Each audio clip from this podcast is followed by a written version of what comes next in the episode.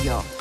No, jaka pogoda na zewnątrz dziś w Warszawie panuje, doskonale widzicie Państwo wszyscy, jeśli jesteście z Warszawy. Niestety duże korki, e, duże i spore utrudnienia w komunikowaniu się samochodem e, i również komunikacją miejską po Warszawie, po naszej stolicy.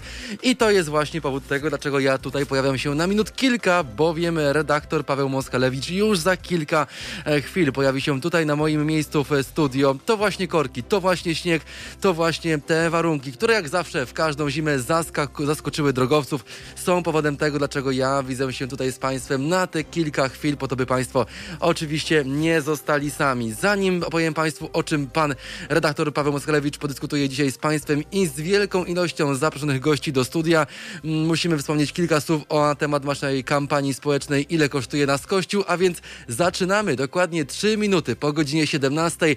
Za chwilę tutaj przyjdzie Pan Paweł Moskalewicz, redaktor Paweł Moskalewicz, a ja powiem Państwu kilka słów na temat tego, co dzisiaj przed Państwem i przed nami na antenie Halo Radio od godziny 17. Proszę być z nami.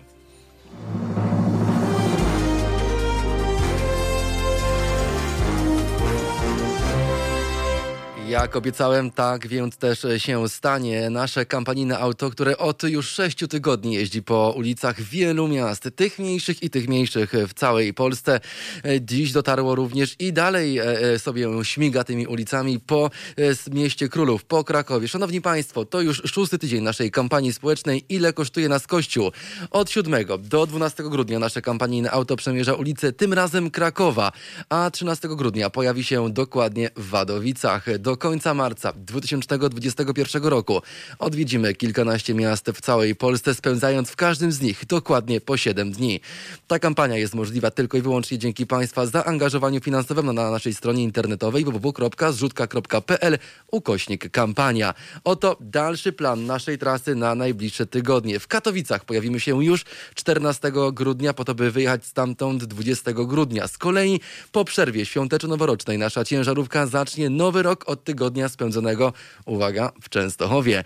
Będą to dni od 4 do 10 stycznia 2021 roku, a potem czas na Kielce.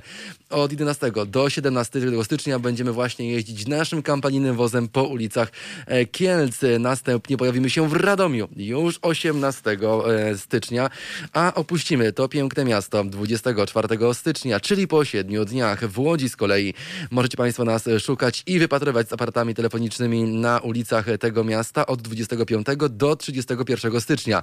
Z kolei we Wrocławiu pojawimy się już 1 lutego, mm, a wyjedziemy stamtąd dokładnie 7 lutego. Ja Państwu tylko przypominam, że nasza zrzutka będzie trwać nieprzerwanie, wszak uważamy, że nasze auto z pytaniem, ile kosztuje nas kościół, musi odwiedzić nie tylko i wyłącznie duże miasta, ale też setki mniejszych ośrodków dokładnie tu, w całej Polsce. Jeśli Państwo podzielacie nasze zdanie, to koniecznie prosimy o wsparcie tej właśnie kampanii www.zrzutka.pl ukośnik kampania. Drodzy Państwo, ja obiecałem tylko i wyłącznie przedstawić e, e, wyjątkowych e, gości, z którymi podyskutuje pan redaktor Paweł Mockalewicz już za dosłownie kilka chwil na bardzo ciekawe i jakże aktualne tematy. Pierwszym z nich to oczywiście trwające cały czas w całej Polsce strajki w ramach ogólnopolskiego strajku kobiet. Tutaj połączymy się z redaktorem Łukaszem Lipińskim, polityka.pl oraz Aleksandrą Pawlicką z Newsweeka. Nastroje, to co dzieje się wewnątrz tych struktur, to jakie są nastroje również społeczne wśród osób biorących udział w tym proteście, to za kilka minut już tutaj w na antenie Halo Radio za dosłownie kilka chwil. Z kolei z Wojciechem Mazierskim redaktor Paweł Moskalewicz porozmawia mm, o, kole, o e, e, kwestiach związanych z przejęciem koncernu wydawniczego Polska Press przez Orlen. Czy faktycznie Polska podąży drogą Orbana? Te pytania padną i te, i te pytania redaktor Paweł Moskalewicz postawi dziennikarzowi Gazety Wyborczej e, Wojciechowi Mazierskiemu. Nie może Państwa zabraknąć. Już jest, już e, otworzył drzwi studia, już na tym miejscu siada. Redaktor Paweł Moskalewicz jest z nami. Zapraszamy serdecznie, a ja mówię Państwu i życzę raz jeszcze dziś, bo poranku robiłem to po raz pierwszy, dobrego wieczoru i wszystkiego najlepszego, przyjemnego wieczoru również Państwu życzę w imieniu swoim i całej redakcji. Jest redaktor Paweł Moskalewicz, więc ja Państwa zostawiam i uciekam. Wszystkiego dobrego, przyjemnego wieczoru życzę.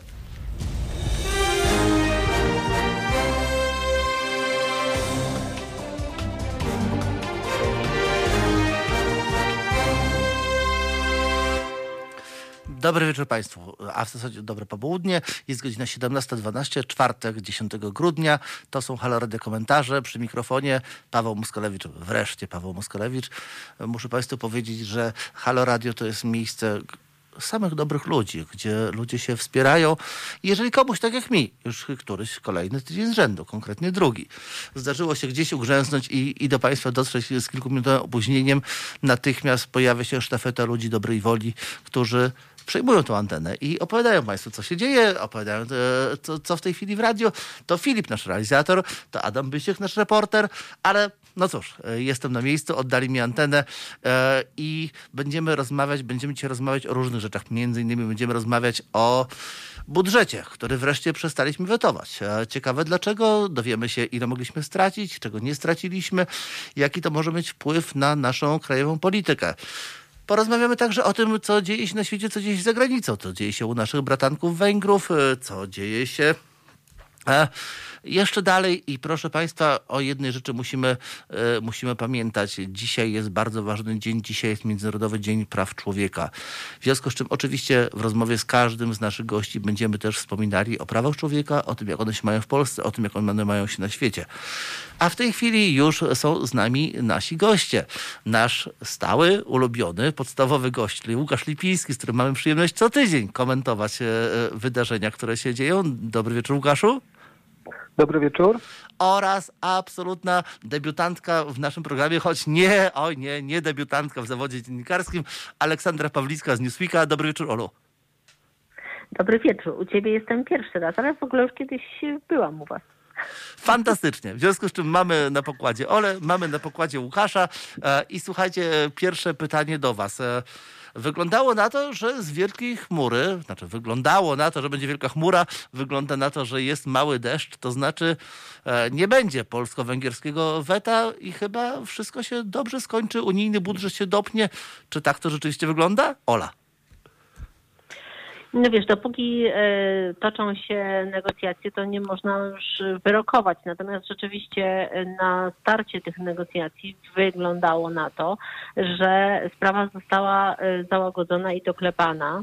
E, Orban, znaczy wszyscy właściwie opowiadają, jak rozmawiałam dzisiaj z różnymi kolegami z, z Brukseli, koleżankami, którzy śledzą to tam, E, tak jak ja kiedyś śledziłam, e, to opowiadają o tym, że mm, właściwie zwycięzcą w tym duecie Polska i Węgry e, jest Orban, bo to on uzyskał właściwie to, co chciał i wykorzystał Polskę do tego, żeby razem z nim wetowała, czy mówiła, że będzie wetować.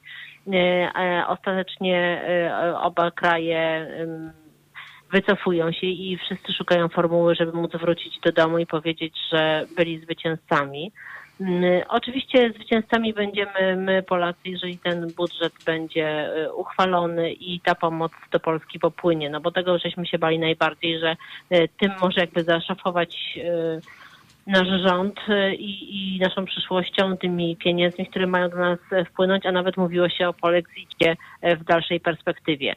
Więc ta groźba wydaje się przesunięta y, i albo właściwie w ogóle y, zniwelowana. Oczywiście to potem będzie oznaczało, jak y, Morawiecki będzie to przedstawiał, jak Ziobro na to będzie reagował i jak wicepremier do spraw bezpieczeństwa, czyli godzenia Morawieckiego z Ziobro, zszyje tę koalicję i czy ona będzie stabilna, czy będzie trwała i czy tutaj te, ta cała zagrywka z, z wetowaniem e, budżetu i, i robieniem rejtana e, na użytek wewnętrzny e, będzie miała jakiś wpływ na tę koalicję, czy też nie. Nawet o relacjach panów Kaczyńskiego, Morawieckiego i Ziobry na pewno jeszcze dzisiaj porozmawiamy, ale Łukaszu, do ciebie pytanie. Tak naprawdę ile mogliśmy stracić na tej całej zabawie i ile ostatecznie dostaniemy pieniędzy? Znaczy, no ja bym zaczął właśnie, bo na, na ten szczyt można patrzeć z bardzo różnych, z bardzo różnych perspektyw. Y, dla mnie kluczowa, jesteśmy w Radiu Obywatelskim, jest y, perspektywa polskiego obywatela i wydaje mi się, że na tym ostatecznym rezultacie tego szczytu polski obywatel y, skorzysta podwójnie. Znaczy po pierwsze skorzysta dlatego, że te fundusze, tak jak wcześniej Aleksandra Pawlicka mówiła, e, nie zostaną zablokowane dla Polski, bo rzeczywiście Bruksela już szykowała różne sposoby, żeby Polska przynajmniej w tym funduszu odbudowy nie wzięła udziału i prowizorium nie byłoby korzystnym rozwiązaniem e, dla Polski, więc te fundusze zarówno fundusze spójności, jak i fundusze dla rolników, jak i fundusze na odbudowę, różnie się to liczy, ale no mniej więcej jest to około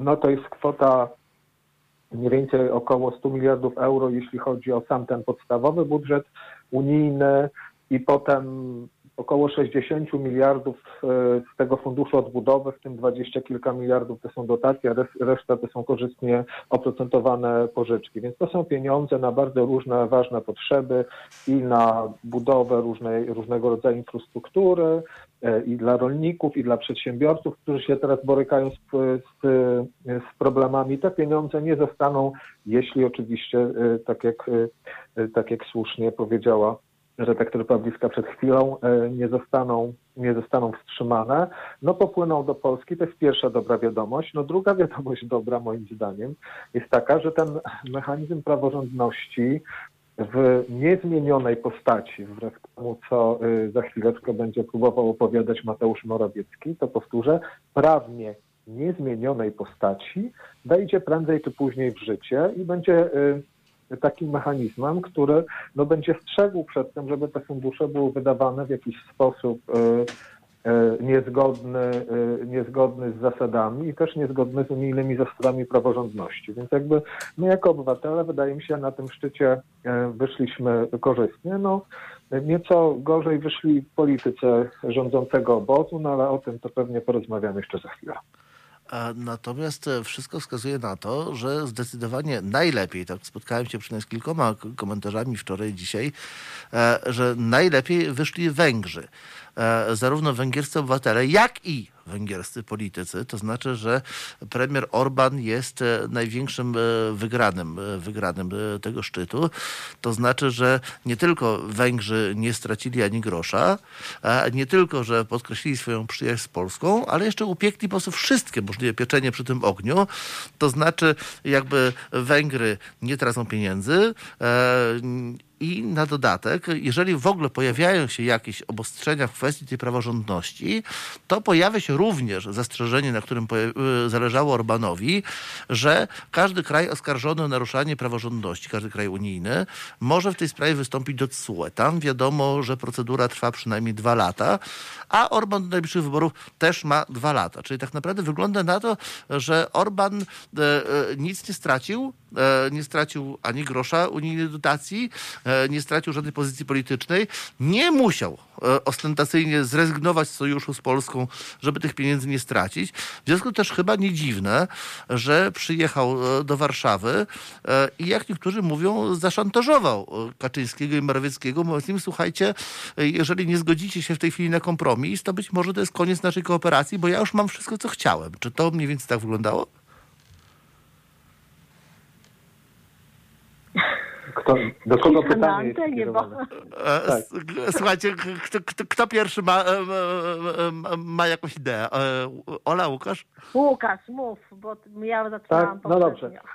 Znaczy ja myślę, że Ola też doskonale, doskonale zna sprawę, więc też równie dobrze mogłaby powiedzieć. No, wygląda na to, że rzeczywiście ta wizyta Wiktora Orbana w Warszawie to była taka wizyta, nie wiem czy to szantaż, no bardziej taka wizyta, słuchajcie, chłopaki, zostaliście sami tak, ja już załatwiłem swoje, więc teraz macie 24 godziny albo nawet powiedzmy no półtorej, tak, e, półtorej e, doby, żeby e, dokonać, e, do, dokonać taktycznego zwrotu przez rufę i przekonać społeczeństwo, że załatwiliście to, co macie do załatwienia, bo ja już wam nie pomogę.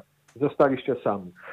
Orbanowi rzeczywiście zależało na tym, żeby odwlec funkcjonowanie tego mechanizmu, takie już faktyczne funkcjonowanie do swoich najbliższych wyborów, wybory 2022 rok i rzeczywiście wygląda, że żeby nie wchodzić już zbyt głęboko w techniczne szczegóły, że e, te cztery takie różne bezpieczniki, które tam zostały zostały umieszczone w tej, w tej, na, zostaną umieszczone na tym szczycie, sprawią, że rzeczywiście faktycznie ten mechanizm zacz, zacznie funkcjonować dopiero od 2022 roku, od kiedy, kiedy już ostatecznie Trybunał Sprawiedliwości Unii Europejskiej się w jego sprawie wypowie, więc w tym sensie Viktor Orban załatwił, co na razie chciał. Jasne, dobrze. Można To, też powiedzieć, mhm, ja mogę tylko dodać jeszcze, bo ja się zgadzam z Łukaszem tutaj e, we wszystkim, natomiast można też powiedzieć, że e, Kaczyński, tak już psychologicznie, oczywiście nie byliśmy w tym pokoju, nie, nie, nie uczestniczyliśmy w tych rozmowach, ale Kaczyński od e, wielu lat jest zauroczony Orbanem w sensie jego sprawczości.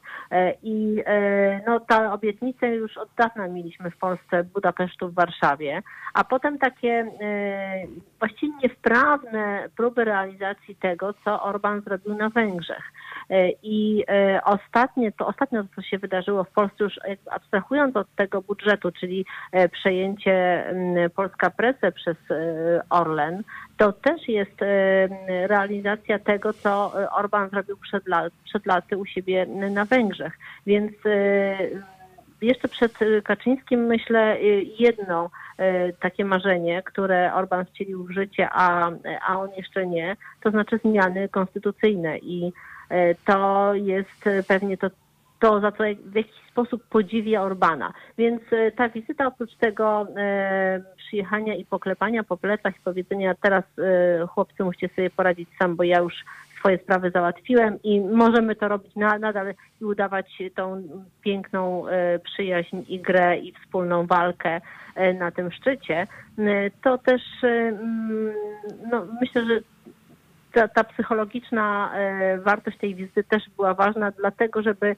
przekonać e, m, Jarosława Kaczyńskiego do tego, że Morawiecki ma jechać do Brukseli no i wrócić e, na tarczy, udając, że wraca z tarczą.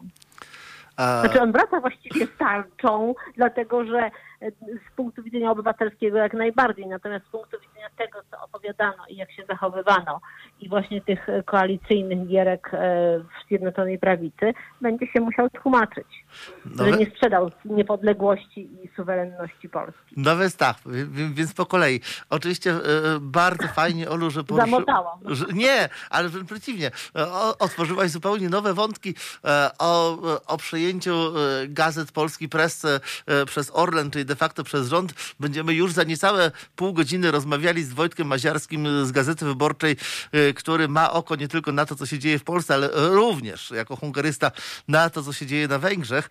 Natomiast, natomiast rzeczywiście ciekawe jest, e, jak te europejskie rozgrywki, e, jaki mają wpływ e, e, na polską politykę, ponieważ rzeczywiście e, jeszcze niedawno, w sumie jeszcze do wczoraj, e, politycy związani ze Zbigniewem Ziobro, politycy Solidarnej Polski, e, jakby i w mediach, i, i w mediach społecznościowych e, e, trwali na stanowisku, że weto albo śmierć, że w ogóle absolutnie się na to nie zgodzimy, po czym e, nagle okazuje się, że jednak, że jednak się zgodzimy. To oczywiście dobra, dobra wiadomość dla, dla polskich obywateli, dla polskich podatników, dla Polski. To znaczy, że, że, pewne pieniądze zostały, zostały ocalone, ale wygląda na to, że w tym, że w obozie władzy w tej chwili, w obozie Zjednoczonej Prawicy trwa bardzo bardzo zdecydowana e, walka o władzę, że ten obóz nie jest innorodny, że jest e, e, mega konflikt pomiędzy premierem Morawieckim i ministrem sprawiedliwości Zbigniewem Ziobro i że chyba Jarosław Kaczyński powoli traci zdolność do panowania nad tym konfliktem i trzymania go w karbach. To znaczy, jak myślisz, Olu, czy, czy, czy to jest tak, że w tej chwili jeszcze niedawno udało się opanować Pierwszy kryzys, kiedy Solidarna Polska groziła wyjściem z koalicji, to, to było raptem dwa miesiące temu. W tej chwili mamy kolejny potężny kryzys, w którym Ziobro domaga się dymisji Morawieckiego. E, czy, czy, czy, czy, czy to znowu ucichnie? Czy, czy, czy to już osiągnęło ten punkt krytyczny, e, kiedy musi jakoś wybuchnąć i, i zamienić się w nowe rozdanie?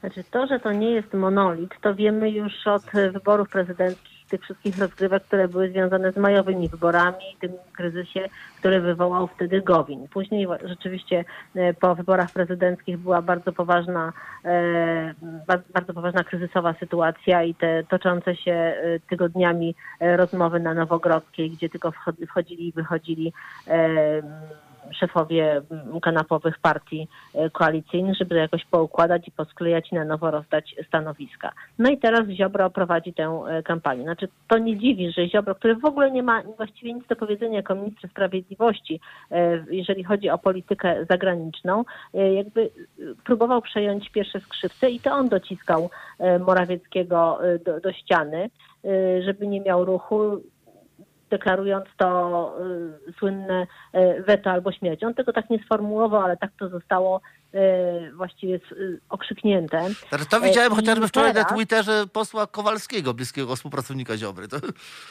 Tak, to prawda. No bo to się już potem właśnie stało takim sloganem. I teraz y, Ziobro y, chce rozliczać Morawieckiego z tego, co, z, czym przyjedzie z Brukseli. Tylko y, zauważ, że y, Jarosław Kaczyński udzielił wywiadu, w którym skomentował te groźby Ziobry i powiedział, że oczywiście mm, on żyje długo i y, widzi, widział już nie, nie raz rzeczy, nie, że niewyobrażalne stają się wyobrażalnymi. Natomiast e, raczej sobie nie wyobraża, że e, Ziobro wyjdzie z tej koalicji. Znaczy dla Ziobry byłoby to drugie odejście od Jarosława Kaczyńskiego i raczej już bezpowrotne. E, Niemniej i, chyba w tej chwili e, jest dużo znaczy on mocniejszy może- niż był wtedy. To prawda, bo jest ministrem sprawiedliwości i przez pięć lat szykował sobie teczki na każdego i ma bardzo dużą władzę. Natomiast e, wychodząc, e, eliminuje się jednak z polityki i to, co by było jego siłą wtedy, to byłoby prowadzenie wojny z PiSem i doprowadzenie do upadku tych rządów. E, Czy jest gotowy na taką walkę? Nie jestem pewna, ponieważ jednak trwanie u władzy, i nie chodzi tutaj o takie, nie wiem, czyste profity władzy, tylko o sprawczość, o to, że jednak potra- może robić bardzo wiele. I dlaczego to y, Ziobro y, dociskał Morawieckiego do ściany w sprawie budżetu? No dlatego, że chodzi o powią- powiązanie tego budżetu z praworządnością, a to Ziobro odpowiada za największe mm, pogwałcenie praworządności w kraju, znaczy demontaż y, całego wymiaru sprawiedliwości i to, co dzisiaj się dzieje z sędziami, mnóstwo po, powołane izby w Sądzie Najwyższym, sam Sąd Najwyższy, który próbuje eliminować wszystkich sędziów, którzy są niewygodni, odbierając im immunitet jak tulej, czy zawieszając e, w, prawie e, prowadzenia i orzekania. Więc e, Ziobro rzeczywiście ma bardzo wiele do stracenia, ale nie sądzę, by po prostu wyszedł z rządu tylko dlatego, żeby próbować odegrać rolę Konrada Warenroda. Naszymi gośćmi nie, są Nie, nie widzę. Naszymi gośćmi są Aleksandra Pawlicka z Newsweeka, Łukasz Lipiński z Polityki. Proszę Państwa, chwila oddechu, na przykład na uzupełnienie filiżanki herbaty. Za dwie minuty wracamy na antenę. Zostańcie Państwo z nami. Rozmawiamy z Aleksandrą Lipińskim, Łukaszem... Fu! Aleksandrą Pawlicką, bardzo przepraszam, Łukaszem Lipińskim na temat bieżącej sytuacji politycznej w Polsce. Zostańcie Państwo z nami. Jest 18.31.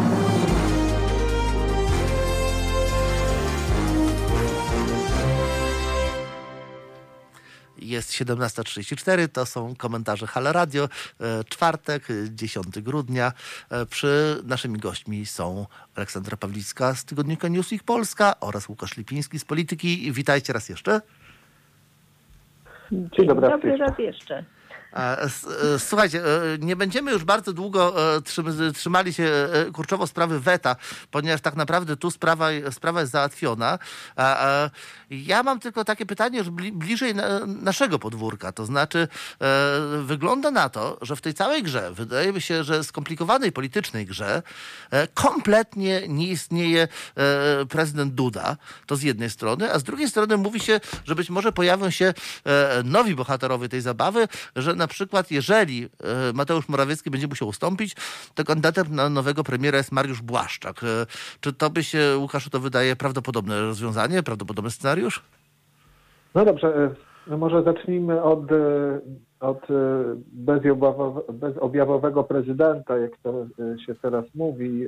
Takie tytuły się pojawiały też w Newsweeku chyba ostatnio, gdzieś jeszcze wcześniej, wcześniej był. Rzeczywiście no mamy do czynienia z sytuacją, w której e, której Andrzej Duda jest kompletnie nieobecny. Z tego, co, e, z tego co słyszymy, to y, w jego kancelarii hula wiatr. Nie bardzo specjalnie e, prezydent zapowiadał jakieś przełomy personalne, jakieś zmiany u siebie w kancelarii.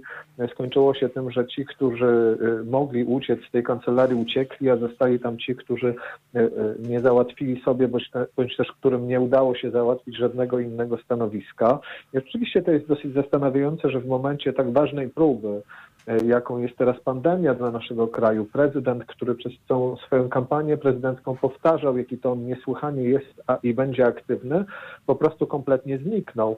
Do tego stopnia, że tak naprawdę jego y, koledzy z obozu politycznej, politycznego mogą sobie pozwalać na różne y, takie gierki z nim. No, y, no i chyba najgłośniejsze było to ujawnienie przez Jarosława Gowina, że to prezydent zadzwonił do niego w sprawie uruchomienia stoków, prawda? Co no, brzmi nie za ciekawie w momencie, kiedy zmagamy się z pandemią, że prezydenta głównie interesuje to, czy sobie pojeździ na nartach, co zresztą dało okazję Ryszardowi Terleckiemu do takiego delikatnego naigrawania się z, e, z Andrzeja Dudy. No wszystko to wygląda e, strasznie słabo i no ja jestem bardzo ciekaw, jestem bardzo, znaczy w zasadzie nie, i, inaczej. No, nie spodziewałem się po tej prezydenturze zbyt wiele, bo też poprzeczka była zawieszona relatywnie nisko, no ale no, jakby Andrzejowi Dudzie udało się przejść pod tą poprzeczką na tyle, na tyle nisko, że mnie to, że mnie to jednak zaskakuje ta jego nieobecność. Jeśli chodzi o Mariusza Błaszczaka, no to rzeczywiście ta kandydatura chodzi już od jakiegoś czasu jako e, takiej osoby, która e, mogłaby zastąpić, e, mogłaby zastąpić Mateusza Morawieckiego w zasadzie z dwóch powodów. Po pierwsze z tego powodu, no, że jego lojalność wobec Jarosława Kaczyńskiego jest legendarna więc e, to jest kandydat, który jak najbardziej odpowiada szefowi partii. Po drugie jest to kandydat, który odpowiada samej partii. No to jest nasz człowiek e, dla, dla partii, dla PiSu, który z nami był przez tyle lat, Mateusz Morawiecki wciąż jest odbierany w partii jako takie ciało z zewnątrz, jako jakiś obcy, wynajęty menadżer na jakiś czas.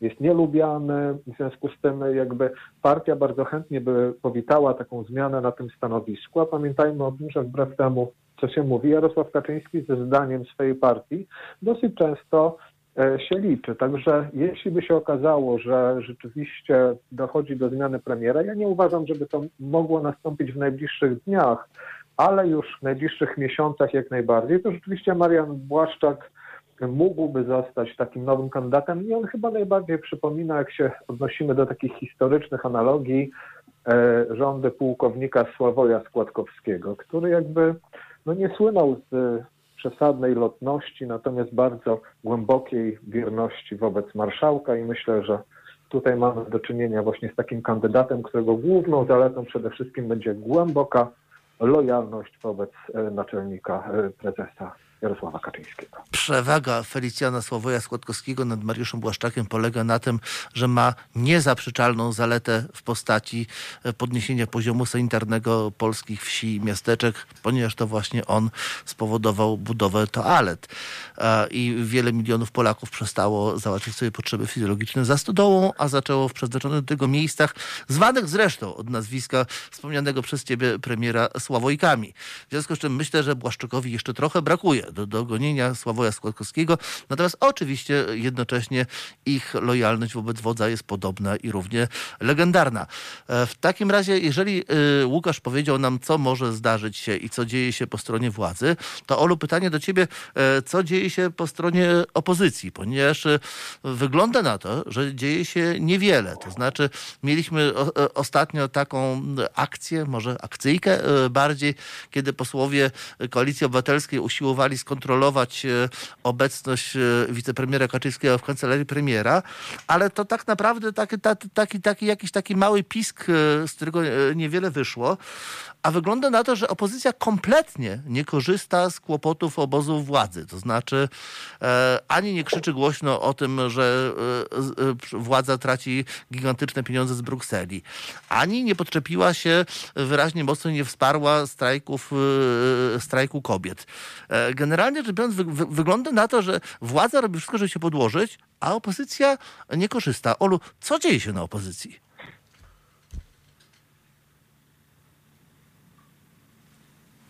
Halo, halo, czy jest z nami Aleksandra Pawlicka?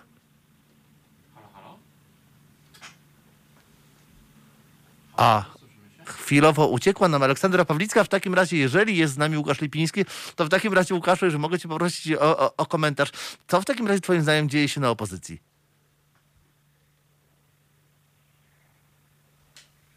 Czy nie mamy żadnego z naszych gości? Halo, ja słyszę cały czas Państwa. Halo? Łukaszu, ponieważ straciliśmy połączenie z e, Olą Pawlicką, to w takim razie kolejne pytanie jest również do ciebie. Na szczęście, na szczęście słuchałem tego pytania. Także. Powiedz w takim razie, co twoim zdaniem dzieje się, dzie, dzieje się na opozycji i, i, i czy takie akcje, e, będziemy ak, akcje akcyjne, jak, jak kontrola obecności premiera Kaczyńskiego w pracy, to jest jakaś recepta na popularność opozycji, ponieważ wydaje mi się, że tam nie ma e, żadnego bardziej spójnego pomysłu e, na jakąś kontrpropozycję wobec obozu władzy. Znaczy, no to są jakby dwie kwestie. Mi się wydaje, że po stronie opozycji, opozycyjnej taką główną w tej chwili e, Halo? w ciągu ostatnich... Halo? Y, O, Bo rozłączyło się. No, to co, wracamy? jest dobra. Aleksandra Pawlicka, więc e, Dobrze. Ale która To zapewne nie słyszała głos. pytania. E, e, Nie, ja Dobrze. słyszałam pytanie i ja słyszałam, co ty wszystko, co mówiłeś, tylko ty mnie nie słyszałeś. Przepraszam w takim razie. Dobra, to w takim razie, Olu, co się dzieje z opozycją? To co mogę? Jasne. E, opozycja cierpi na uwiąd starczy, po prostu. Znaczy, problem nie polega na tym, że nie dostrzegają tej okazji, bo dostrzegają i tam jest sporo e, fajnych, dynamicznych ludzi, którzy e, próbują przebijać i mówić. Natomiast ogólnie w takim odbiorze społecznym opozycja jest na straconej pozycji. Jest postrzegana jako ciało, które jest bez pomysłu, bez energii e, na to, żeby e, przejąć Polskę E, i żeby próbować robić wszystko, doprowadzić do upadku PiSu, do upadku rządów PiSu, a przynajmniej do tego, żeby być gotowym, kiedy mm, będzie konstytucyjny termin takiego przejęcia, czyli w czasie najbliższych wyborów. Rzeczywiście nie korzysta z, z tych protestów, właściwie największych protestów, jakie e, się przelewają przez Polskę. No może nie dzisiaj, bo one troszeczkę jakby wyhamowały, ale na 13 grudnia mamy zapowiedziany kolejno, kolejny duży e, protest. Tam dołączają się kolejne grupy, już deklarują, że wyjdą na ulicę. E, I to nie jest już tylko protest strajku kobiet i to nie jest już tylko protest w sprawie aborcji i tego e, pseudowyroku, pseudotrybunału e, konstytucyjnego. E, To jest protest ludzi, którzy się czują oszukani przez tę władzę.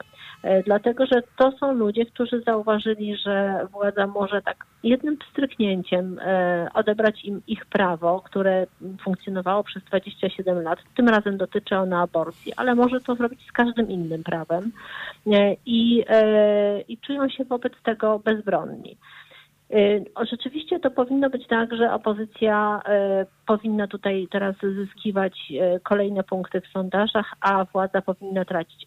Te kolejne sondaże trochę tej, temu PiSowi i Zjednoczonej Prawicy odbierają tych punktów, ale nie na tyle, żeby opozycja mogła poczuć wiatr w żagle. Jedynym, który na początku tych protestów zyskiwał był Szymon Hołownia i to też nie dlatego, że on ma jakąś rewelacyjną e, ofertę czy pomysł na rozwiązanie tego kryzysu, bo on mówi o referendum aborcyjnym, czyli muszą się wypowiedzieć wszyscy Polacy, a e, dziewczyny ze strajku kobiet mówią mu, referendum się odbywa już na ulicy i e, panie Hołownia, niech pan na naszych plecach nie, nie próbuje budować swojego politycznego imperium. Znaczy w ogóle ten strajk nie chce polityków, te demonstracje nie chcą polityków na, na, na sztandarach, to jest strajk oddolny i strajk ludzi.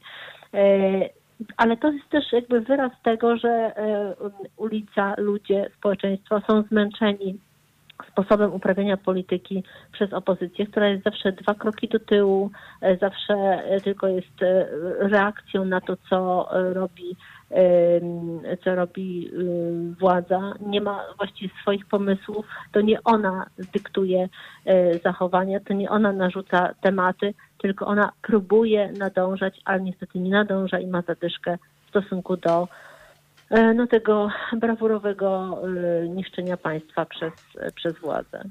I to jest po wszystkich stronach. To jest po stronie Koalicji Obywatelskiej, to jest po stronie Lewicy. E, znaczy obrazkami, które zostają w głowach ludzi, e, to jest e, pan wicemarszałek Czerzasty, który się awanturuje bardziej w Sejmie niż, niż działa na ulicy, chociaż podobno jak zapewniał mnie, jest na każdym proteście. No i to jest Barbara Nowacka, która brała udział w proteście i została potraktowana przez policję brutalnie gazem. Natomiast no, polem działania jest e, parlament, polem działania jest kraj, każdy poseł w każdym swoim okręgu i tutaj tej e, aktywności i takiego naprawdę bycia nie widać. I nie twierdzę, że tego nie robią, tylko że robią to nieskutecznie, na tyle skutecznie, żeby przekonać e, społeczeństwo, że są silną, dynamiczną propozycją do przejęcia władzy i naprawienia państwa. Dziękuję bardzo. E, tu musimy postawić kropkę. E, naszymi gośćmi byli Aleksandra Pawlicka z tygodnika Newsweek Polska i Łukasz Lipiński z Polityki. Bardzo Wam dziękuję za te komentarze. Zostańcie Państwo z nami już za chwilę. Będziemy rozmawiali z Wojciechem, Wojciechem Maziarskim z Gazety Wyborczej o przejęciu gazet e, Polska Press przez Orlen, a także o sytuacji na Węgrzech. Zostańcie Państwo z nami. Paweł Moskalewicz. Jest godzina 17.47. Halo Radio popołudnie. Halo Radio komentarze. Zostańcie z nami. Zapraszam.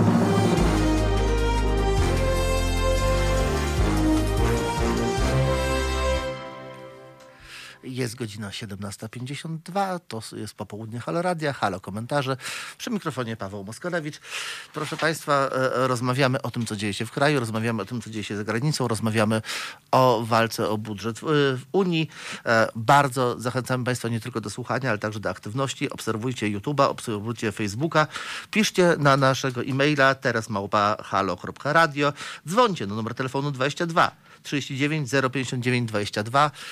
Każda forma Państwa aktywności, każda forma interakcji jest dla nas ogromnie cenna, ponieważ to jest radio obywatelskie, to jest radio dla obywateli, to jest radio, na którym, w którym najbardziej zależy nam na Państwa komentarzach, na Państwa opiniach, na tym, żebyście Państwo byli zadowoleni, ponieważ to wszystko, co robimy, to wszystko, o czym mówimy, to wszystko, czego usiłujemy się dowiedzieć od naszych rozmówców, to jest dla Państwa. Po to, żeby obywatele byli lepiej poinformowani, żeby obywatele wiedzieli, co się dzieje w kraju, żeby obywatele wiedzieli, co się dzieje za granicą granicą. Ach, i o tym, co dzieje się zarówno w kraju, jak i za granicą, porozmawiamy właśnie z Wojciechem Maziarskim, publicystą Gazety Wyborczej. Witaj Wojtku. Dzień dobry.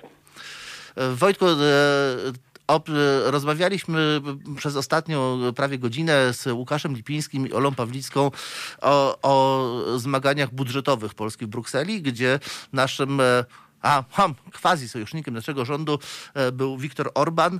Natomiast e, tych, e, tych, tych związków z Orbanem, tych związków z Orbanem jest więcej, ponieważ kiedy ostatnio Orlen zakupił e, gazety należące do Polska Presse, czyli e, kilkadziesiąt tytułów e, prasy regionalnej w Polsce, rozległ się okrzyk tak, to przypomina sytuację Orbana, to przypomina sytuację na Węgrzech. Czy rzeczywiście tak jest, że to, co się dzieje w Polsce, to jest ten drugi Budapeszt? Czy rzeczywiście polski rząd, rząd PiSu podąża drogą wyznaczoną przez Orbana? E więc tak, ja na początku sprostuję, bo sytuacja jest gorsza niż, czy jakby poważniejsza niż można byłoby wnosić z tych liczb, które podałeś, ponieważ Polska Press ma ponad 100 tytułów prasowych, bo to są dzienniki, tygodniki, lokalne, takie mniejsze gazetki, o których e, my nie wiemy, ale w sumie tego jest ponad setka, e, bodaj 140 i 500 serwisów internetowych, więc to jednak jest bardzo pokaźna liczba tytułów. A jeśli chodzi o analogie polsko-węgierskie, to, mm, to tak, to, to oczywiście ma, mamy do czynienia z wieloma podobieństwami, wieloma analogiami, przy czym ja myślę, że to jest tak, że obaj dyktatorzy, obaj autokraci, to znaczy Jarosław Kaczyński i Viktor Orban podpatrują się nawzajem, małpują swoje pomysły. Widać wyraźnie, że na przykład kiedy walka z genderem LGBT i obrona rodziny, tak zwana obrona rodziny w Polsce chwyciła, to Orban też sięgnął po to. A z kolei Orban to prowadził walkę z Szoroszem i walczył z rzekomym wmuszaniem mu uchodźców i tym, z tym, że Unia będzie tutaj przy, przysyłała nam tłumy uchodźców i terrorystów. I z kolei z tego pomysłu skorzystał Jarosław Kaczyński. Ja nie sądzę, żeby to było jakoś bardzo koordynowane, bo ci panowie się nie darzą wzajemnie ani sympatią, ani zaufaniem. My wiemy skądinąd, że Viktor Orban po długiej rozmowie z Jarosławem Kaczyńskim w gronie zaufanych e, swoich współpracowników miał mm, powiedzieć, że spędziłem kilka godzin z e, szaleńcem. Więc te, te stosunki między Kaczyńskim i Orbanem są pełne napięć i nieufności. Niemniej oni podpatrują wzajemnie swoje rozwiązania, swoje pomysły i to, co ich zdaniem może zadziałać, poskutkować w lokalnych warunkach, to kopiują. Dzisiaj jest e, Międzynarodowy Dzień Praw Człowieka. E, Z badań rozmaitych organizacji badających poziom e, wolności obywatelskich e, wynika, że zarówno Polska, jak i Węgry są gdzieś e, bardzo nisko w tej unijnej e, tabelce respektowania praw człowieka. Tam gdzieś, e, gdzieś jeszcze z Bułgarią do, spółki Rumunią e, wleczemy się, wleczemy się w szarym końcu. E, Dlaczego tak jest? E, Porozmawiamy już za niecałe 5 minut, ponieważ w tej chwili zapraszam Państwa na chwilę przerwę i od 18 będziemy z powrotem rozmawiali z Wojciechem Maziarskim z Gazety Wyborczej. Zostańcie Państwo z nami. Proszę Państwa.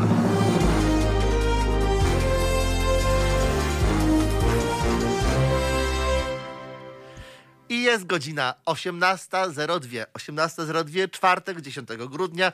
To jest popołudnie Halo Radio, komentarze Halo Radia. Przy mikrofonie Paweł Moskalewicz, a naszym gościem w dalszym ciągu jest Wojciech Maziarski, publicysta Gazety Wyborczej. Wojtku, czy się słyszymy? Słyszymy. Fantastycznie. W takim razie wracamy do naszej rozmowy o Orbanie, wracamy do naszej rozmowy o Węgrzech, wracamy do naszej rozmowy o niezależnej prasie. E, powiedz proszę, e, jak to wyglądało e, wcześniej na Węgrzech? To znaczy, dlaczego ten scenariusz jest podobny? Mówi, że wręcz ten polski jest gorszy. To znaczy, jak Orban podporządkował sobie węgierskie media? Nie, mam, mówiąc o gorszy, to miałem na myśli to, że poważniejsza jest sytuacja, znaczy przejęcie Polska Press jest poważniejszym no, ciosem w wolność słowa, niż można byłoby wnosić z pierwszych swoich słów. Po prostu tych redakcji jest dużo więcej. E, e, 500 plus 140, 640, no więc w sumie to jest gigant. gigant no. natomiast, e, natomiast jeśli chodzi o podobieństwa, to podobieństwem jest to, że oba te czy analogią jest to, że oba te reżimy zmierzają do tego, żeby przejąć, a jeżeli się nie uda, to zniszczyć niezależne od siebie media. Bo oczywiście lepszym rozwiązaniem jest przejęcie takiego medium niż jego zniszczenie. E, I właśnie to zrobił e, teraz reżim PiSu, przejmując Polska Press. Mm, Natomiast e, metody są niekoniecznie takie same. To znaczy właściwie można powiedzieć tak, metody są dowolne, byleby były skuteczne. Orban stosował najprzeróżniejsze metody, bo tam akurat się nie mówiło o rehungaryzacji mediów, ale tak, e, najpierw próbowano wprowadzić, tam e, przejęto oczywiście tak samo jak w Polsce media publiczne w pierwszej kolejności, zostały podporządkowane całkowicie rządzącym i przekształcone w tubę propagandową władz. A następna, na następny rzut przyszły media em, prywatne, w pierwszej kolejności telewizję. E, Udało się przejąć, wykupić, e, e, ubezwłasnowolnić telewizje prywatne, przy czym najcięższym orzechem do zgryzienia była stacja RTL Klub. E, I tam na przykład na Węgrzech wymyślono ustawę, która e, e, miała ustawę o podatek od reklam. Przy czym ona była tak pomyślana, że uderzała właściwie wyłącznie w RTL Klub, e, który miał płacić jakieś gigantyczne kwoty, które właściwie powinny były doprowadzić do upadku tej, czy do zamknięcia tej stacji telewizyjnej. I wówczas interweniowali Niemcy, Angela Merkel, która, e, bo to przecież jest e, stacja z udziałem kapitału niemieckiego, niemiecka stacja, więc e, e, przyjechała do Budapesztu, wezwała Orbana na dywanik i wówczas Węgrzy się cofnęli. Reżim Orbana się cofnął. Stacja RTL Klub działa do dzisiaj, nie jest kontrolowana przez władzę, ale została wykastrowana, czy jak to nazwać, to znaczy właściwie e, ma, emituje głównie materiały lifestyle'owe, e, rozrywkowe, stara się unikać krytyki politycznej. No to jest podobna ewolucja, jak widać w przypadku Polsatu, gdzie ta stacja pozostaje w rękach prywatnych, ale mm, presja władz jest na tyle silna, że zmusza tą stację, tę stację do autocenzury. Ale czy to jest Y- tak, e, bo i, i, i jak właśnie o tym mówisz, e, to to trochę potwierdza e, moją obserwację, że chyba Orban tak naprawdę jest dużo zręczniejszy od, od, od, od Kaczyńskiego, od PiSu w tych europejskich rozgrywkach. To znaczy... On jest bardziej przewidywalny, tak, on zawsze... oni, oni idą on na zawsze- rympał, a on zawsze, kiedy trzeba się cofnie, kiedy trzeba się wygładzi, to znaczy trochę w, w myśl takiej zasady ty ciszy budziesz, dalszy jedziesz. W, w, wygląda to, że jakby, że Polska jest tym najgorszym czarnym ludem, a Orban w zasadzie w ten sam sposób narusza te prawa obywatelskie, a jednocześnie jest trochę mniej nacenzurowanym. Czy ja to dobrze rozumiem? Nie, nie, on jest nacenzurowanym, ale z troszkę z innego powodu, czy w inny sposób. To znaczy, tak, on oczywiście jest bardzo zręcznym i chytrym politykiem. On na użytek, on na użytek wewnętrzny, węgierski, używa takiej retoryki jak Kaczyński, ale na użytek europejski, na salonach brukselskich mówi zupełnie innym językiem, inny sposób. I przez długie lata udawało mu się grać takiego e, takiego, e, że ma takie janusowe oblicze podwójne na użytek krajowy i na użytek europejski. E, no ale w końcu Europejczycy się połapali i, i zorientowali się, co jest grane, zwłaszcza, że, i to jest też specyfika węgierska, która jeszcze na razie w Polsce nie jest, no może się jeszcze nie rozkręciła, że tak powiem.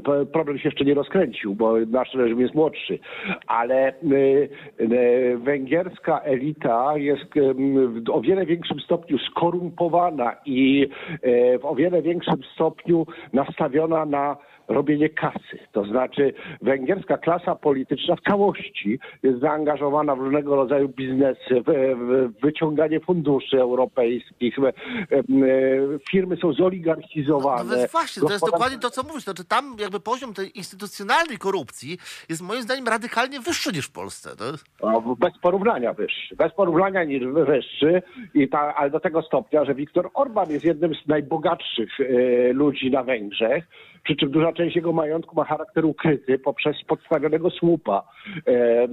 To w ogóle jest taka stała praktyka, taka praktyka węgierska, że politycy nie prowadzą jawnych biznesów, tylko mają swoich figurantów, którzy prowadzą ich biznesy pod swoim nazwiskiem. Takie słupy, no po prostu. E, drą fu- fundusze europejskie na, ca- na całego. E, Państwo węgierskie im pomaga, sprzyja ustawodawstwo. No tam jest na przykład przyjęto ustawę, żeby daleko nie szukać. Przyjęto ustawę o państwowym monopolu tytoniowym E, i od tej pory jak ktoś chce sprzedawać papierosy, to musi uzyskać koncesję państwową. I koncesję oczywiście dostali tylko krewni i znajomi królika. To znaczy, no one były rozdzielane w całym kraju, więc tam w każdej gminie, w każdym powiecie, tam jak, e, no jak się tam nazywają jednostki administracyjne, ludzie, zaufani ludzie władzy dostawali te koncesje. Natomiast ludzie, którzy byli z- sympatii mieli opozycyjne albo byli niezależni, niekoniecznie dostawali albo nie, wręcz nie dostawali. No i to jest sposób uzależnienia e, ludzi od władzy. Więc tego u nas jeszcze nie ma.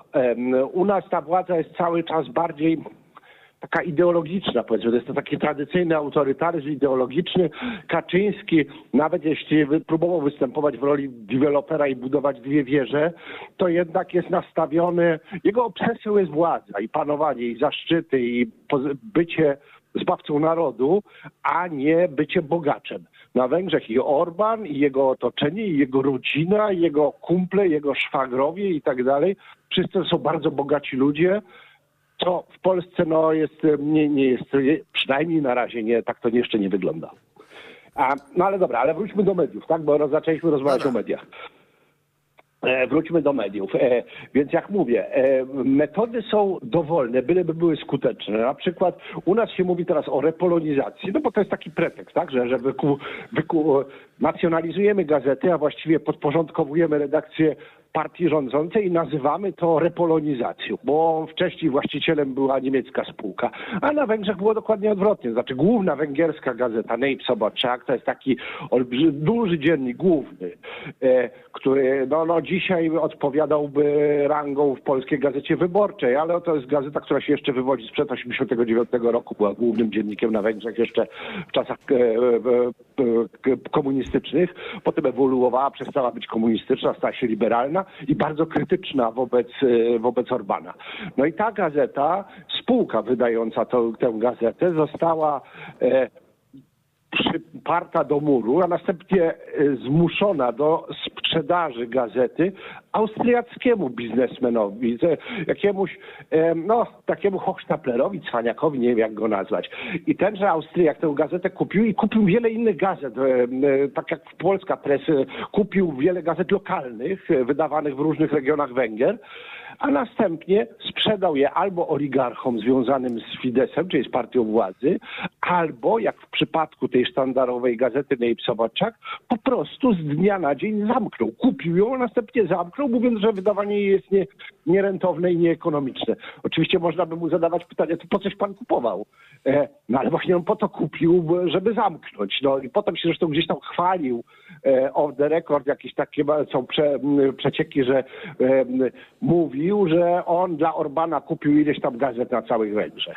Więc tak jak mówię, no tutaj w Polsce się mówi o repolonizacji, na Węgrzech sprzedaje się gazety austriackiemu cwaniakowi, ale to wszystko jest drugorzędne. No to, to istota jest taka, przejąć, zniszczyć, ubezwłasnowolnić media, które mogą być krytyczne wobec władzy. I tutaj musimy postawić kropkę.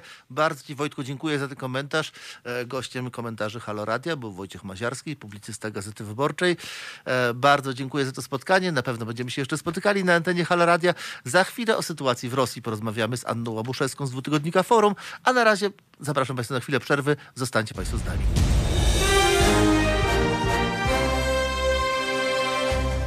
Halo Radio. Gadamy i trochę gramy.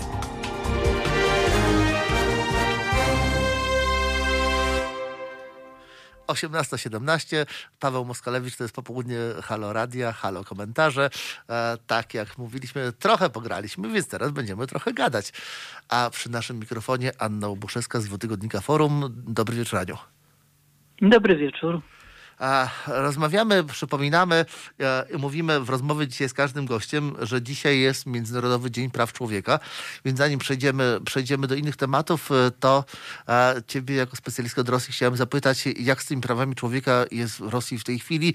I nie chodzi mi o takie ogólne biodolenie, że źle, tylko naprawdę byś miała spojrzeć na to, jak było 5 lat temu i teraz to lepiej czy gorzej? Myślę, że tak. Jest wyczyszczone bardziej na pewno pole politycznej walki. Więc są wyeliminowani ci ludzie, którzy mogą stanowić zagrożenie dla systemu, dla, personalnie dla e, Władimira Putina. Mm, e, służby, mm, które mają się zajmować e, kontrolowaniem obywateli, są na wysokości zadania i wyłapują sprawnie tych, którzy mm, się wychylają. Są nowe narzędzia kontroli. To też przyszło wraz z pandemią bo e, zaostrzono pewne przepisy dotyczące kontroli obywateli, otworzono nowe okienka możliwości, więc przetrenowano jakieś nowe metody. Jak jest z prawami człowieka? To jest jeszcze bardzo ciekawe, że dzisiaj akurat Putin się wypowiadał w związku z tym, że jest ten dzień właśnie e, praw człowieka, że byłby za tym, żeby stworzyć w Rosji odpowiednik Trybunału Obrony Praw Człowieka e, europejski, Trybunał, żeby jakby przenieść te doświadczenia na, na Rosję. To jest bardzo ciekawa, ciekawa propozycja, bo mm, obywatele Rosji bardzo często się wytaczają do tego mm, Europejskiego Trybunału e, i bardzo często zasądzane są na, na ich korzyść nawet dosyć wysokie kary, które państwo rosyjskie powinno im wypłacać. I niektórym wypłaca rzeczywiście. Tam była bardzo duża grupa mm, Czeczenów na przykład, którzy skarżyli Rosję o to, że złamano ich prawa, właśnie prawa człowieka podczas działań wojennych. Mm, I nie tylko. I potem jeszcze też dotyczyło to Czeczeni Kadyrowa. No więc e, to ma, jak widać, bardzo też szerokie spektrum. Tak? To nie jest takie tylko, że tak tylko, że obrona praw człowieka dotyczy mm, walki politycznej czy tych którzy mm, mogą stwarzać zagrożenie dla władzy, ale ma to kilka różnych, różnych pięter. Nie jest tak, że że, że, że sytuacja jest klarowna, czysta, wszystko można policzyć, można e, zrobić raport roczny, ile osób e, za, ucierpiało z powodu swoich odmiennych, odmiennych poglądów. ale, ale mamy w tym roku taką bardzo wyjątkową sprawę, e, mianowicie sprawę otrucia Aleksja Nawalnego, najważniejszego opozycyjnego polityka Rosji. E, I to otrutego nie byle czym, bo e, nowiczokiem, czyli taką substancją, która jest zaliczana do, do broni chemicznej, więc no bardzo, bardzo wysoką stawkę zagrał Kreml. No a to, że chciało kogoś otruć, swojego, swojego oponenta politycznego, no to jest ewidentne łamanie praw człowieka. To prawda. A wiesz co, jeszcze mam jedno pytanie bardziej szczegółowe, ponieważ wczoraj e, e, Organizacja Narodów Zjednoczonych w końcu wezwała Rosję do natychmiastowego zwrotu Krymu Ukrainie. Prawdopodobnie z tego wezwania nic nie, nie, nie wyniknie. Oczywiście Rosja, Rosja Krymu nie odda, ale jak tam wygląda w tej chwili przestrzeganie praw człowieka? To znaczy, czy ludzie, którzy po pierwsze w jakiś sposób starają się być wierni Ukrainie, po drugie e, e, rdzenni Tatarzy, e, czy oni podlegają jakimś szczególnym prześladowaniom, czy, czy też Rosja stara się ten Krym prowadzić na łagodnie? To wymieniłeś dwie bardzo ważne kategorie, czyli właśnie tych ludzi, którzy chcieli pozostać wierni Ukrainie, a druga grupa to są właśnie Tatarzy krymscy, którzy są ewidentnie prześladowani przez cały czas.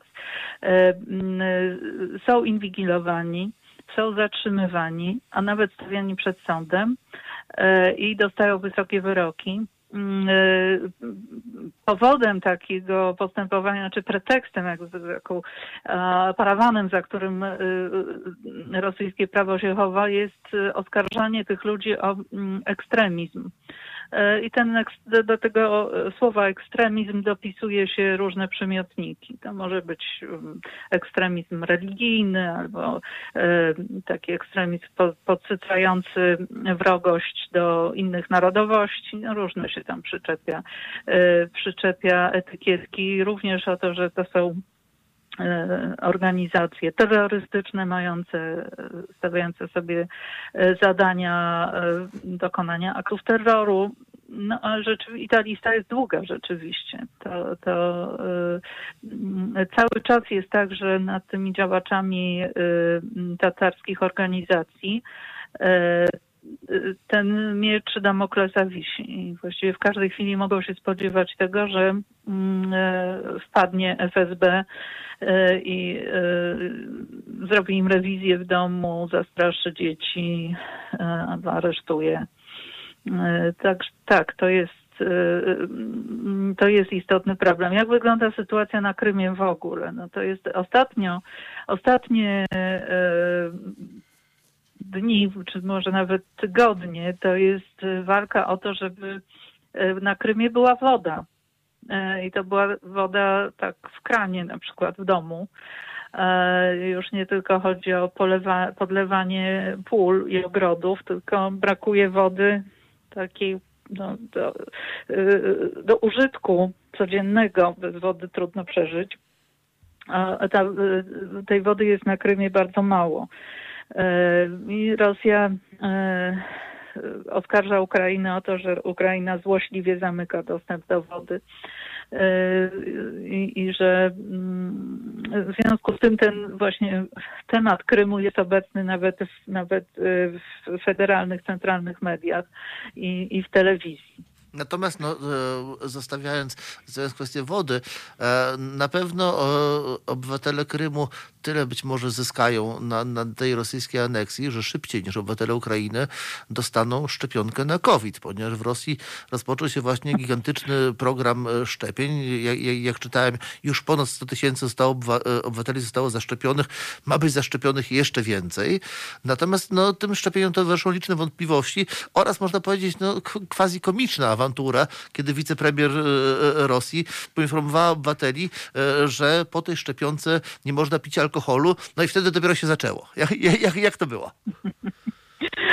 rzeczywiście po tym oświadczeniu wicepremier Golikowej e, mm, rozpętało się w mediach społecznościowych, bo ja to widziałam na poziomie Twittera i, i, i Facebooka.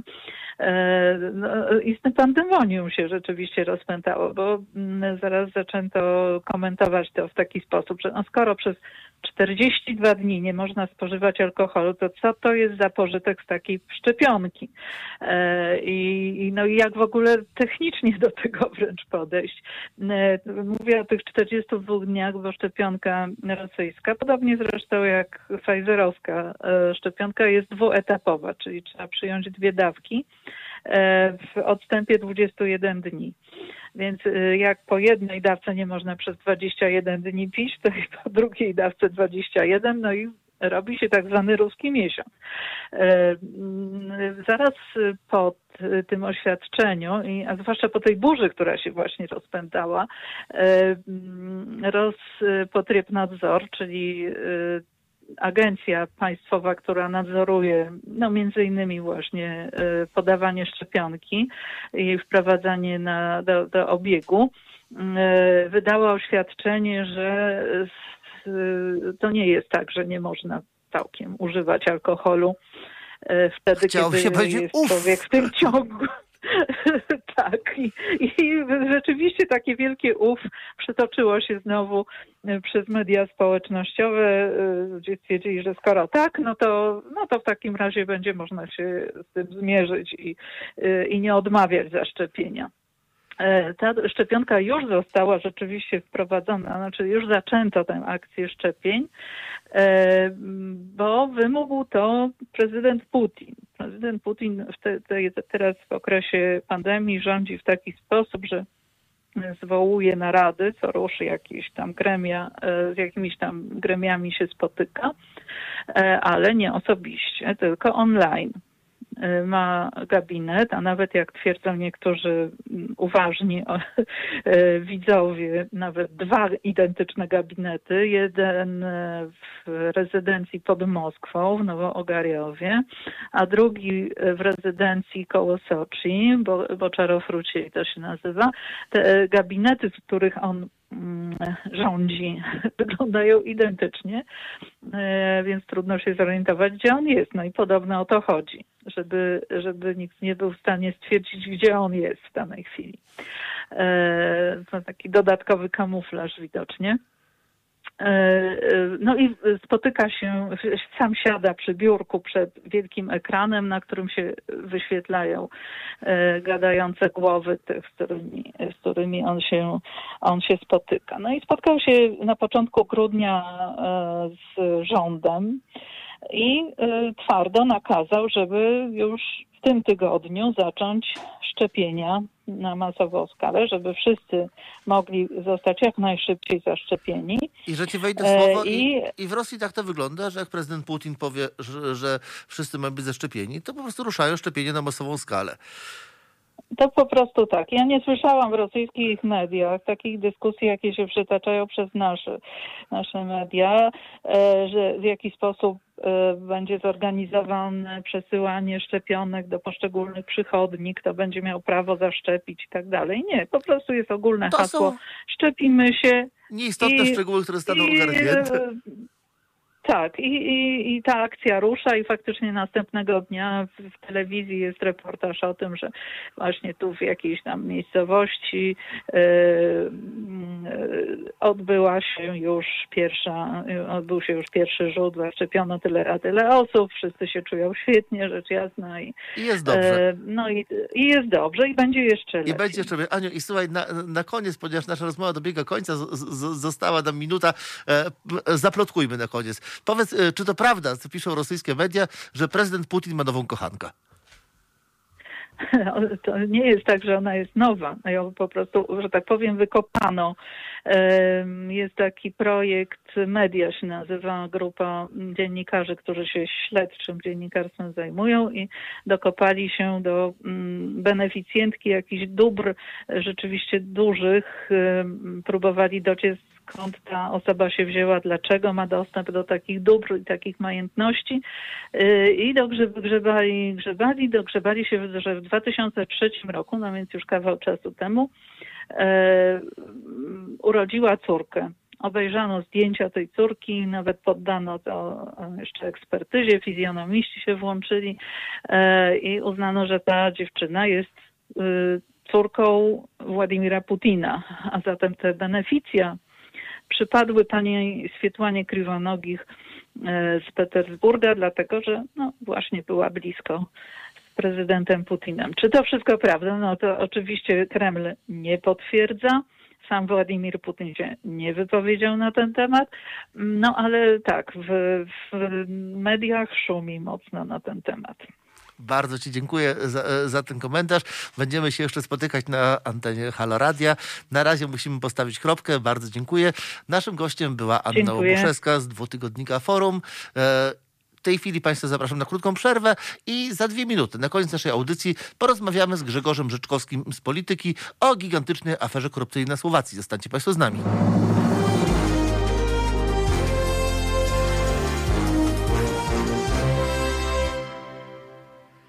Proszę Państwa, jest godzina 18.33, to jest popołudnie Haloradia, komentarze Haloradia przy mikrofonie Paweł Moskalewicz, czwartek, 10 grudnia.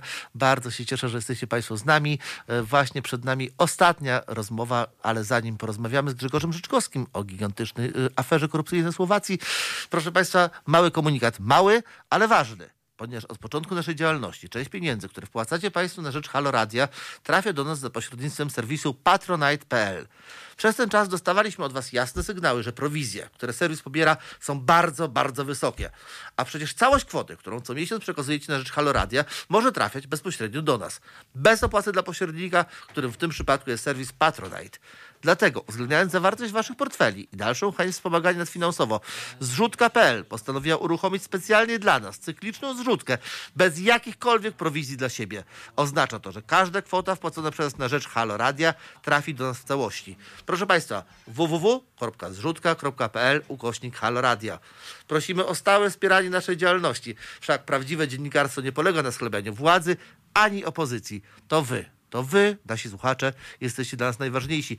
Pamiętajcie Państwo, www.zrzutka.pl małpa, nie małpa, tylko ukośnik, halo radio. Dziękujemy, zapraszamy do słuchania. A w tej chwili już naszym gościem jest Grzegorz Rzeczkowski z Tygodnika Polityka. Witam Cię Grzesiu serdecznie. E, dzień dobry, dobry wieczór, witam serdecznie. A wszyscy nasi słuchacze na pewno e, znają takie marki działające na polskim rynku jak Empik. Być może większość zna Bookmachera Fortuna. Na pewno wszyscy znają klub sportowy Legia, który Fortuna sponsoruje. Na pewno większość z nas robiła bądź robi zakupy w Żabce. Co te wszystkie nazwy łączy? Co, a właściwie kto? Otóż łączy słowacki biznesmen Jarosław Haszczak, który za pośrednictwem rozmaitych swoich firm kontroluje wiele spółek nie tylko na Słowacji, ale także w Polsce i w regionie. E, I wokół Jarosława Haszczaka zrobiło się ostatnio głośno, gorąco. Wytłumacz nam, Grzegorz, proszę, e, o co chodzi i dlaczego Jarosław Haszczak ma właśnie kłopoty. 1 grudnia do jego imponującego biura w e, centrum biurowym pięknym prawobrzeżu y, dunajskim y, y, Bratysławy, czyli stolicy Słowacji, weszli uzbrojeni smutni panowie, czyli mm, uzbrojeni policjanci, zatrzymali go i zawieźli przed oblicze prokuratora, który mm, postawił panu Haszczakowi zarzuty prania pieniędzy i korupcji. Sprawa dotyczy mm, głośnego skandalu na Słowacji, który wybuchł w 2011 roku, kiedy to e, e, opinia publiczna, kiedy to do opinii publicznej dostały się opisy nagrań dokonanych przez tamtejsze służby. Oczywiście nagrań dokonanych w tajemnicy. Na tych nagraniach utrwalony właśnie został pan Haszczak, jak E, e, z ówczesnymi prominentnymi członkami słowackiego e, rządu, uzgadnia sprawy związane z prywatyzacją tamtejszych przedsiębiorstw, przetargami.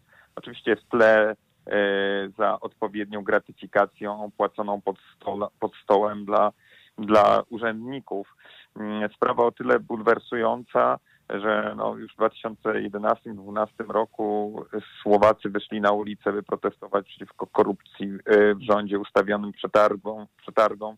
Właśnie wtedy mówiło się o tym, że mm, państwo jest kontrolowane przez zorganizowaną przestępczość mm, i stało właściwie się taką do, do, dobudówką do tej zorganizowanej przestępczości.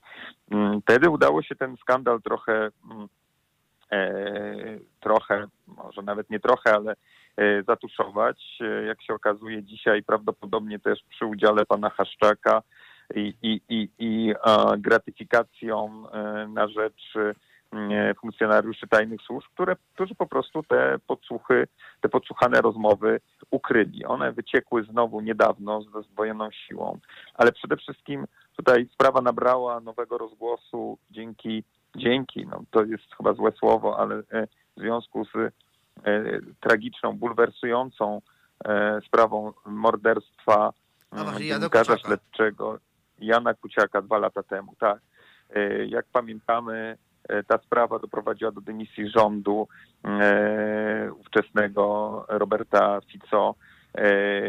No, rozpadła się cała koalicja, skompromitowany, skompromitowany układ rządzący przegrał wybory, które odbyły się mm, na początku tego roku. No i nowy rząd właśnie pod hasłami walki z korupcją rozpoczął, jakby wrócił do tych spraw sprzed lat nastu, dlatego że te te, same podsłuchy, sama, sama jakby sprawa nagrywania przez służby tych spotkań, zresztą doszło do tego zupełnym przypadkiem pana Haszczaka z, z, z, z e, prominentnymi, prominentnymi urzędnikami. Ta sama sprawa sięga roku 2005.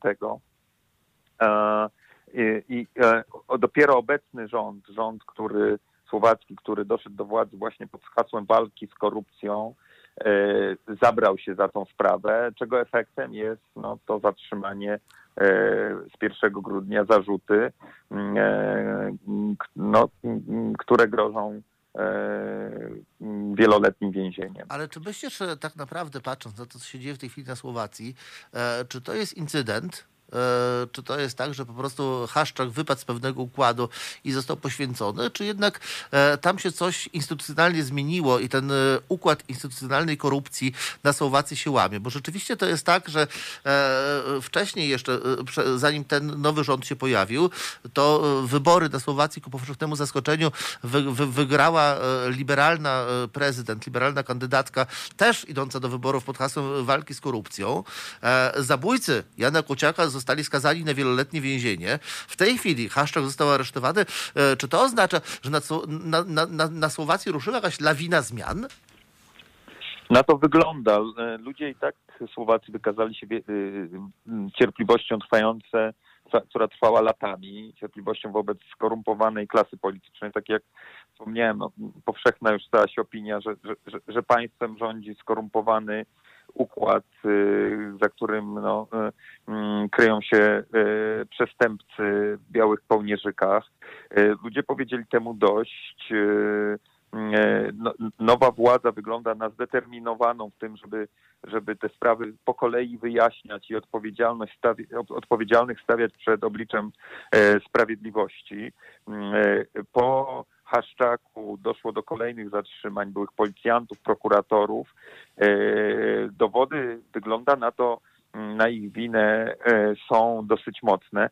Także e, sprawia to wszystko wrażenie dosyć no, poważnej, że tak powiem, rozprawy albo używając języka bardziej neutralnego, mm, rozliczenia tych przestępstw, do których dochodziło tam w przeszłości e, przez lata. No bo przypomnę jeszcze raz, e, sprawa sięga roku 2005 i wygląda na to, że no, przynajmniej na razie sprawiedliwość wydaje się triumfować. Ale żeby nie było oczywiście tak no, kolorowo, przypomnę, że w sprawie Jana Kuciaka, która tutaj była tym największym katalizatorem zmian, a właściwie precyzyjnie powiedziałbym w związku ze śmiercią Kuciaka i jego narzeczonej, bo, bo, bo, bo, bo płatni zabójcy nie tylko e, zamordowali Kuciaka, ale też jego narzeczoną. Ta sprawa mm, e, znalazła rzeczywiście finał w sądzie i rzeczywiście, tak jak wspomniałeś, zabójcy zostali skazani, ale wciąż toczy się proces prawdopodobnego, domniemanego zleceniodawcy, oskarżonego o zlecenie tej zbrodni e, biznesmena. Zresztą to też dotyka ta sprawa e, Haszczaka, e, bo biznesmen, który jest e, e, oskarżony o zlecenie tej zbrodni, e, e, w pierwszej instancji e, został uniewinniony. Teraz e, czeka na rozprawę apelacyjną, a wspomniałem o jego oczywiście związkach z, z Haszczakiem, dlatego że no, blisko się kolegowali, często się e, kontaktowali, e, no i ów biznesmen także korzystał, korzystał z kont, prowadził biznesy za pośrednictwem banku, jednego z banków należącym do firmy e, Haszczaka. E, Stąd e, w sprawie zatrzymania Haszczaka przywoływana jest sprawa zabójstwa Jana Kuciaka i jego, e, i jego żony, jego narzeczonej, przepraszam. Dzisiaj, dzisiaj jest Międzynarodowy Dzień Praw Człowieka, dlatego tym bardziej warto mówić o tym, co się dzieje na Słowacji, warto mówić o historii Jana Kuciaka, warto mówić o wszystkich niezależnych dziennikarzach, którzy starają się tropić korupcję, starają się tropić naruszenia praw, praw e, człowieka. A to, co się dzieje na Słowacji w tej chwili, z tego, co opowiada Grzegorz Rzeczkowski, wygląda na bardzo pozytywną zmianę. Zmianę, która być może jest tym kamykiem, który ruszy lawinę w całym naszym regionie. Miejmy nadzieję, rozmawialiśmy w poprzednich rozmowach o instytucjonalnej korupcji orbanowskiej na Węgrzech. E, W Polsce nie jest dobrze, w Czechach nie jest dobrze. E, Być może Słowacja jest e, tym, ty, tym miejscem, gdzie zaczną się zmiany w całym Wyszehradzie. Trzymajmy, trzymajmy za to kciuki. Oby, oby tak było. Oby tak było, było. Ja tylko dodam, że to takie, chciałbym, żeby to było takie memento dla wszystkich skorumpowanych y, urzędników i skorumpowanych rządów, także tych y, urzędników w Polsce, że y, sprawiedliwość prędzej czy później zatriumfuje i ze swoich przestępstw ludzie, którzy się ich dopuszczają, nawet na najwyższych stanowiskach, kiedyś zostaną rozliczeni. I trzymajmy za to kciuki, żeby przestępcy nawet na najwyższych stanowiskach zostali za to rozliczeni. Bardzo Grzegorz dziękuję. Gościem Halo Radia. Dziękuję gościem, bardzo. Gościem komentarzy Halo Radia był Grzegorz Życzkowski, dziennikarz śledczy Tygodnika Polityka, a ja także się z Państwem e, żegnam. Życzę mi miłego wieczoru. Widz, e, wi, widzimy się i słyszymy się w czwartek za tydzień o 17. Paweł Moskolewicz, to były komentarze e, Halo Radia. Kłaniam się.